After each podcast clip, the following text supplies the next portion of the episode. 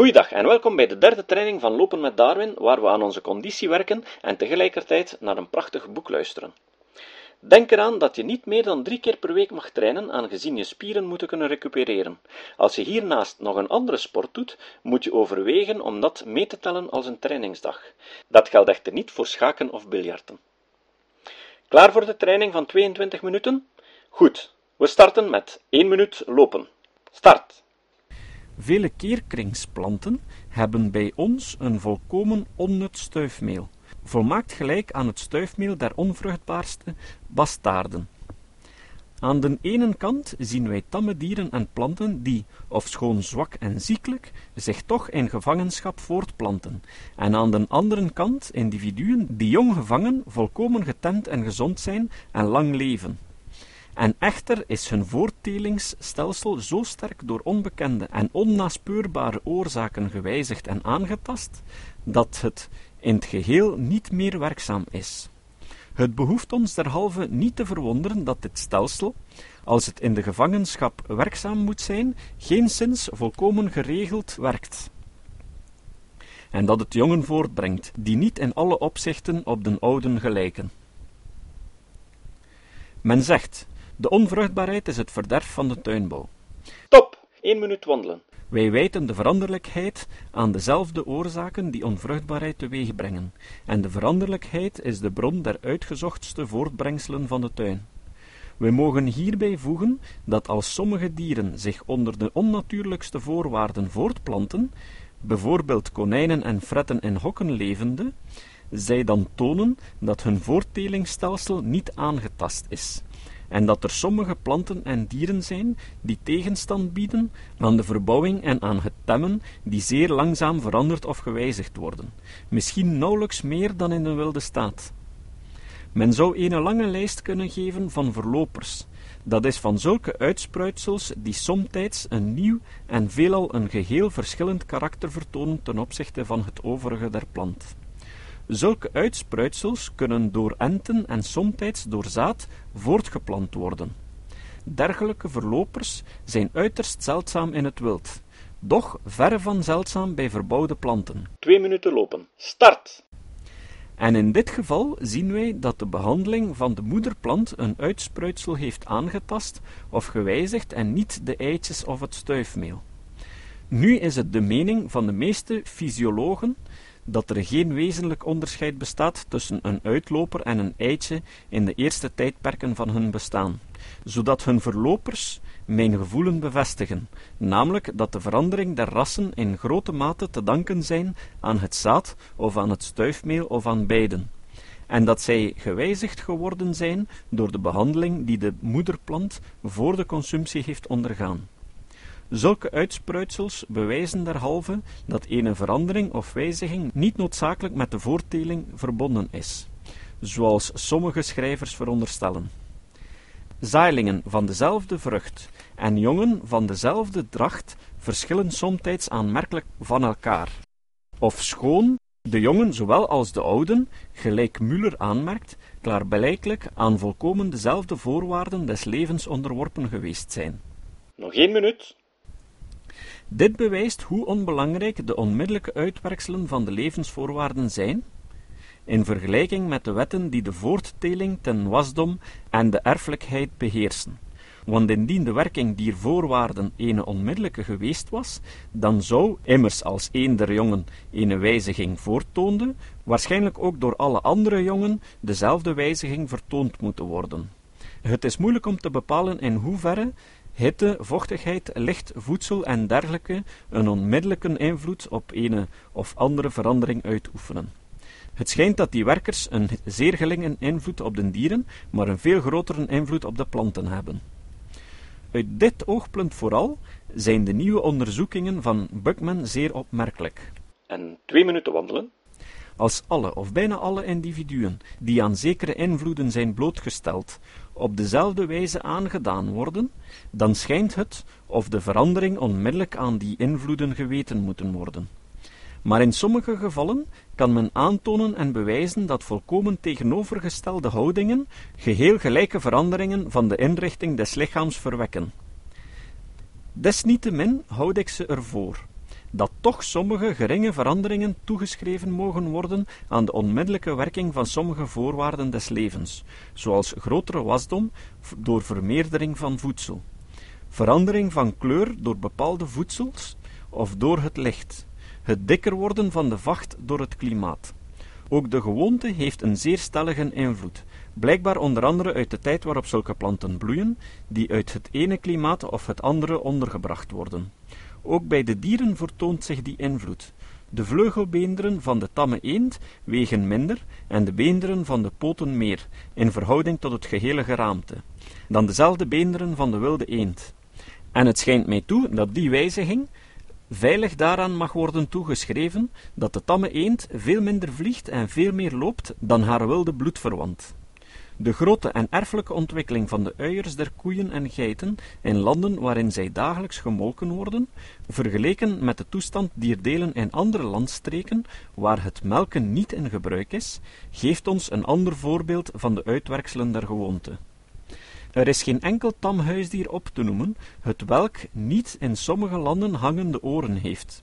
En het gevoelen dier schrijvers, welk beweren dat die hangende oren niets anders zijn dan een gevolg van het niet gebruiken der oorspieren, omdat die dieren voor geen gevaar behoeven te vrezen, is voorzeker zeer aannemelijk. Twee minuten lopen. Start! Er zijn vele wetten die de wijzigingen en veranderingen regeren, en sommige daarvan zijn vrij verstaanbaar. Ook zullen wij daarvoor in het vervolg het nodige zeggen. Hier bepalen wij ons slechts bij hetgeen men het verband of de betrekking van het ene deel op het andere zou kunnen noemen. Zekere veranderingen in het embryo of in de larve zal zekerlijk ook veranderingen in het gerijpte dier ten gevolge hebben. Bij monsters zijn de betrekkingen tussen volkomen onderscheidene delen soms zeer zonderling. In het grote werk van Isidore Geoffrey Saint-Hilaire vindt men daarvan vele voorbeelden. De veefokkers beweren dat lange ledematen altijd vergezeld gaan van een lange kop. Sommige betrekkingen der delen tot elkander zijn hoogst grillig en zonderling. Zo zijn katten met blauwe ogen altijd en onveranderlijk doof. De kleur en andere lichamelijke bijzonderheden staan ook veeltijds met elkander in verband waarvan men vele opmerkelijke voorbeelden zowel bij de dieren als bij de planten vindt. Uit de door Heusinger verzamelde feiten schijnt het te blijken dat witte schapen en varkens andere uitwerkselen van plantaardige vergiften ondervinden dan anders gekleurde dieren. Kaalhuidige honden hebben onvolkomene tanden. Langharige en krulharige dieren hebben, naar men wil, grote geschiktheid om lange en vele horens te krijgen. Duiven met bevederde poten hebben een vlies tussen de twee buitenste tenen. Duiven met korte bekken hebben kleine en duiven met lange bekken grote poten. Vandaar dat als men dergelijke bijzonderheden uitkiest en dus ophoopt, men tevens onopzettelijk en onwillekeurig andere delen des lichaams zal wijzigen als een gevolg van het geheimzinnige verband dat er tussen de verschillende lichaamsdelen bestaat. En twee minuten wandelen. Het uitwerksel van de verschillende of volkomen onbekende of volkomen bekende wetten die de wijzigingen besturen, is even onderscheiden en raadselachtig als die wetten zelven. Het is wel de moeite waard de verschillende verhandelingen die er over onze van oudsher verbouwde planten, zoals de hyacint, de aardappel en vele anderen bestaan, nauwkeurig en zorgvuldig te bestuderen. Het is waarlijk verwonderingswekkend de ontelbare punten op te tekenen, waarin de rassen en onderrassen van elkander verschillen, al mogen die verschillen slechts gering schijnen. De gehele bewerktuiging schijnt vervormbaar geworden te zijn, en eene strekking te hebben gekregen om in kleinigheden van de oorspronkelijke grondvorm af te wijken. Ene niet-erfelijke wijziging is voor ons van geen belang. Doch het getal van de verscheidenheid van erfelijke afwijkingen, zowel van een gering als van een zeer groot fysiologisch belang, zijn oneindig. Het werk van dokter Prosper Lucas tweelijvige boekdelen is het beste en volledigste over dit onderwerp. Er is geen veefokker, of hij is overtuigd van de grote geneigdheid tot overerven, die sommige eigenschappen vertonen. Gelijk brengt gelijk voort, is zijn gewoon gezegde. en het kon slechts in het brein van mensen ondervinding opkomen om aan de erfelijkheid te twijfelen. Als de ene of de andere afwijking van de normale toestand dikwijls voorkomt, en wij haar in den vader en in den kind geopenbaard zien, dan moeten wij geloven dat zij een uitwerksel is van dezelfde oorzaak die op de beiden heeft gewerkt. En nu drie minuten lopen. Maar wanneer onder individuen, klaarblijkelijk aan dezelfde invloed blootgesteld, de ene of de andere zeer zeldzame afwijking wordt waargenomen, een afwijking die aan een buitengewone samenloop van omstandigheden toe te schrijven is, ja, al is het dat zij slechts eenmaal onder een getal van verschillende miljoenen individuen wordt gezien. En als wij vervolgens zien dat die afwijking van de vader op de zoon overgaat en zich weder vertoont, dan immers blijft ons niets anders over dan ook haar toe te schrijven aan dezelfde erfelijkheid. Iedereen weet gevallen op te noemen van albinismus, huidvlekken, zeer welige haargroei en dergelijke dingen bij de leden van dezelfde familie voortkomende. Indien vreemde en zeldzame afwijkingen waarlijk erfelijk zijn, dan mogen we ten minste minder vreemde en minder zeldzame afwijkingen wel met vrijmoedigheid door erfelijkheid verklaren. Het is niet ongerijmd te stellen dat erfelijkheid van de ene of de andere kenteken regel en niet erfelijkheid uitzondering is. We zijn al halfweg deze training. De wetten die de erfelijkheid regeren zijn volkomen onbekend. Niemand kan zeggen waarom een bijzonderheid van onderscheidene individuen eenerzelfde soort of van individuen van verschillende soorten somtijds erfelijk is en somtijds niet.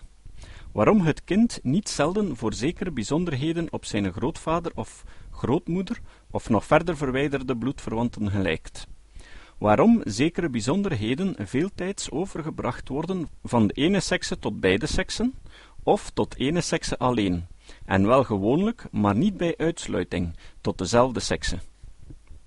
Het is bekend, maar voor ons hier niet van veel gewicht, dat sommige bijzonderheden van de mannetjes onze huisdieren veeltijds overgebracht worden, het zij bij uitsluiting, het zij in veel sterkere graad, op de mannelijke jongen alleen, veel belangrijker is de waarneming dat, als zekere bijzonderheid zich voor het eerst in een bepaald tijdsperk des levens voordoet, zij altijd geneigd is om ook in de nakomelingen op de daaraan beantwoorde tijd tevoorschijn te komen, hoewel somtijds vroeger, in vele gevallen kan dit ook niet anders.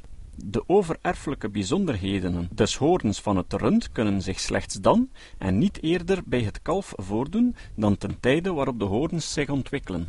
Bijzonderheden van de zijdeworm vertonen zich steeds, het zijden rups, het zijden poptoestand, op dezelfde tijd waarop zij bij de ouders waargenomen worden.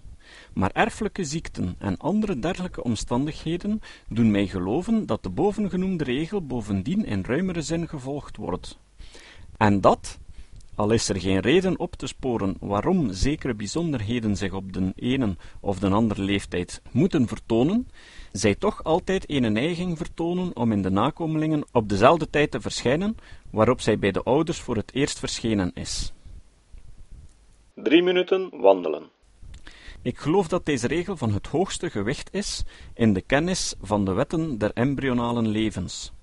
Doch onze opmerkingen bepalen zich slechts tot het tevoorschijn komen van een bijzonderheid en niet tot de eerste oorzaak daarvan, welke misschien in de eitjes of in het mannelijke element reeds werkzaam is geweest. Wij zien in het gekruiste jong van een korthoornige koe en een langhoornige stier dat de lengte des hoorns, hoewel zich eerst veel later in het leven vertonend, toch klaarblijkelijk aan het mannelijke element te danken is.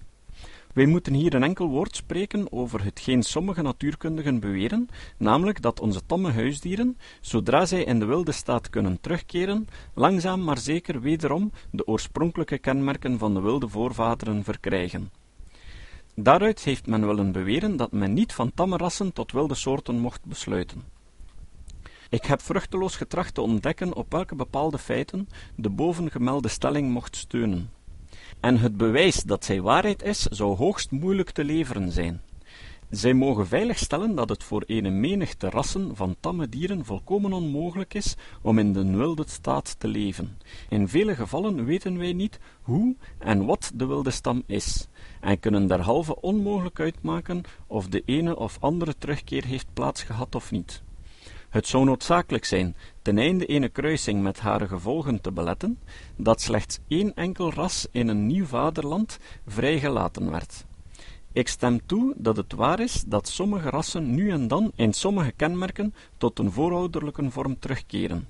Het is niet onwaarschijnlijk dat, als het mogelijk was om gedurende verscheidene generatiën aaneen, bijvoorbeeld de verschillende verscheidenheden van kool op een zeer schrale grond te verbouwen, zij grotendeels, ja zelfs wel geheel, al tot de oorspronkelijke wilde koolplant zou kunnen terugkeren.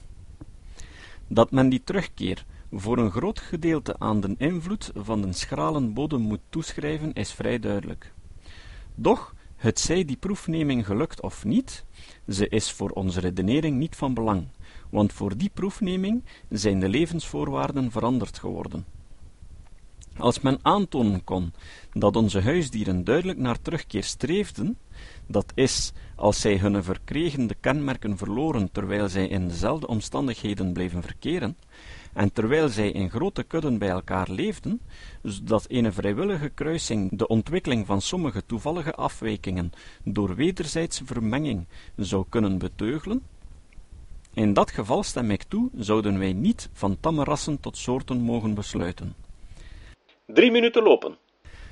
Maar er is geen schaduw van waarschijnlijkheid ten voordele van dat gevoelen. Te beweren dat wij niet in staat zijn om gedurende een eindeloze reeks van generatiën trekpaarden en harddravers, runderen met korte en met lange hoorns, duiven met pauwstaarten en met befjes aan te fokken, of sappige boomvruchten te kweken, is iets wat door de ondervinding ten volle gelogenstraft wordt. Ik stem toe dat in de natuurstaat de levensvoorwaarden veranderen en er ook zeer waarschijnlijk terugkeer en verandering van sommige kenmerken gezien zullen worden. Maar de natuurkeus zal bepalen, gelijk wij later willen behandelen, in hoeverre de nieuwe, op die wijze opkomende kenmerken zullen blijven bestaan. Beschouwen wij de erfelijke verscheidenheden of rassen onze huisdieren en onze verbouwde planten en vergelijken wij die met naverwante soorten, dan vinden wij veelal in elk tam ras, zoals wij reeds aangetoond hebben, een geringere eenvormigheid van kenmerken dan in echte soorten. Ook hebben de tamme rassen van zekere soort dikwijls een min of meer monsterachtig karakter. Ik bedoel hiermede dat, ofschoon zij slechts in verscheidene zeer geringe punten van elkander en van andere soorten van hetzelfde geslacht verschillen, zij echter, zelfs in de hoogste graad, in het ene of het andere deel onderscheiden zijn. Zowel het ene ras vergeleken met het andere, als ook indien men zeker ras vergelijkt met andere wilde soorten, waaraan dat ras het meest is verwant. Met deze uitzonderingen, daarbij ook gerekend de volkomen vruchtbaarheid der rassen die onderling gekruist worden, een onderwerp waarover wij later zullen spreken, verschillende rassen van ene soort op dezelfde wijze van elkander, met veelal in mindere graad van naverwante soorten van één en hetzelfde geslacht, in de natuurstaat van elkander onderscheiden zijn. Nog één minuut. Dit moet mij toestemmen als wij zien dat er nauwelijks een tamras van dieren of planten aan te wijzen is, het welke niet door sommige natuurkundigen voor niets meer dan een toevallige afwijking is verklaard geworden, terwijl het voor anderen voor een afstammeling van een oorspronkelijke verschillende soort is gehouden. Als er een welkenbaar onderscheid bestond tussen rassen en soorten, zou men in dit opzicht voorzeker niet zoveel twijfel en onzekerheid aantreffen. Men heeft dikwijls beweerd dat tamme rassen niet van elkaar verschillen in zulke kenmerken die een waarde van geslachtskenmerk bezitten. Ik meen te kunnen bewijzen dat die bewering onhoudbaar is, maar de natuurkundigen lopen zo ver uiteen in de bepaling van geslachtskenmerken dat wij veilig mogen geloven dat die bepaling nog gemaakt moet worden. Bovendien, wij hebben met het oog op de wijze waarop de geslachten zijn ontstaan, geen recht om te verwachten dat wij dikwijls echte geslachtskenmerken bij onze huisdieren en verbouwde planten zullen waarnemen. Stop! Drie minuten rustig wandelen.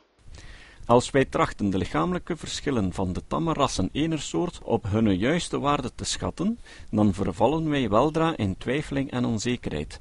Immers, we weten niet of zij van één stamsoort of van onderscheidene stamsoorten afkomstig zijn.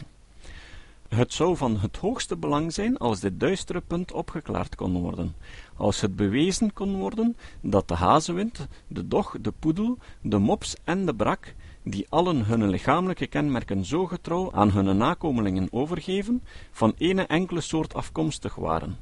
Immers, zoiets zou een groot gewicht in de schaal leggen om ons te doen twijfelen aan de onveranderlijkheid der soorten. Ik geloof niet dat het gehele zo grote verschil tussen de onderscheidene bovengenoemde dieren te wijten is aan het tammaken alleen. Ik geloof dat een gering gedeelte van dit verschil daaraan toe te schrijven is, dat zij van onderscheidene soorten afstammen. Doch, van enige andere getemde soorten bestaat er een groot vermoeden, ja zelfs een grote waarschijnlijkheid, dat allen van ene enkele wilde soort afkomstig zijn. Dikwijls heeft men beweerd dat men voor het temmen vooral zulke dieren en planten uitgekozen heeft, die een buitengewone grote neiging tot verandering en eveneens een buitengewone grote geschiktheid om aan verschillende klimaten weerstand te bieden bezaten. Ik ontken volstrekt niet dat die eigenschappen grotendeels medegewerkt zullen hebben om onze meeste huisdieren en tuinplanten tot voorwerp van een grote waarde voor ons te maken. Maar hoe kon een wilde bij mogelijkheid weten, toen hij voor het eerst een dier tam maakte, of het in de volgende generatiën zou veranderen en of het andere luchtstreken zou kunnen verdragen? Heeft de geringe veranderlijkheid van de ezel of van het parelhoen, heeft de geringe geschiktheid van het rendier om warmte en van het kameel om koude te verduren, ooit gehinderd dat zij getemd zijn geworden? Ik twijfel er in het minst niet aan of indien men andere dieren en planten nam, in een even groot getal als onze tamme en verbouwde schepselen, behorende tot even verschillende klassen en uit even verschillende klimaten, indien men de zodanigen uit de natuurstaat rukten en maken kon dat zij evenveel generatiën in de tamme staat voortbrachten, dan zouden zij ongetwijfeld even grote veranderingen en wijzigingen ondergaan als onze huisdieren en planten ondergaan hebben. Proficiat. Je eerste trainingsweek zit er al op. Zoals ik in het begin van de week al zei, gaan we morgen en overmorgen rusten en beginnen we de dag daarop aan de tweede week. Tot volgende week.